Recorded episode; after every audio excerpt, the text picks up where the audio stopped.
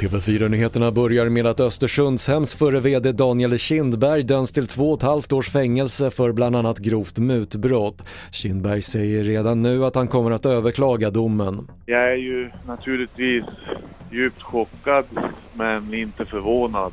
Jag har ju lämnat mina invändningar innan rättegången, att rättegången skulle hållas här i Jämtland och mina farhågor besannades idag.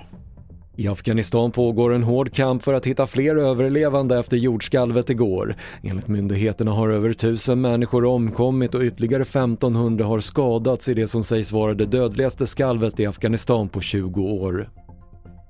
Och midsommarhelgen innebär långa bilresor för många svenskar och så här säger Trafikverkets Bengt Olsson om vilka vägar som väntas bli mest trafikerade. Tittar vi på E6 i stort sett från Strömstad ner till Falsterbo Skanör. Alla avfartsvägarna där. Eh, sen har vi eh, liksom E22 från Norrköping ner till Ölandsbron och Kalmar. Tredje är runt Mälaren och det fjärde är alla vi som bor i Mälardalsområdet som ska upp till eh, Dalarna och eh, Siljanområdet. Fler nyheter hittar du på TV4.se. Jag heter Patrik Lindström.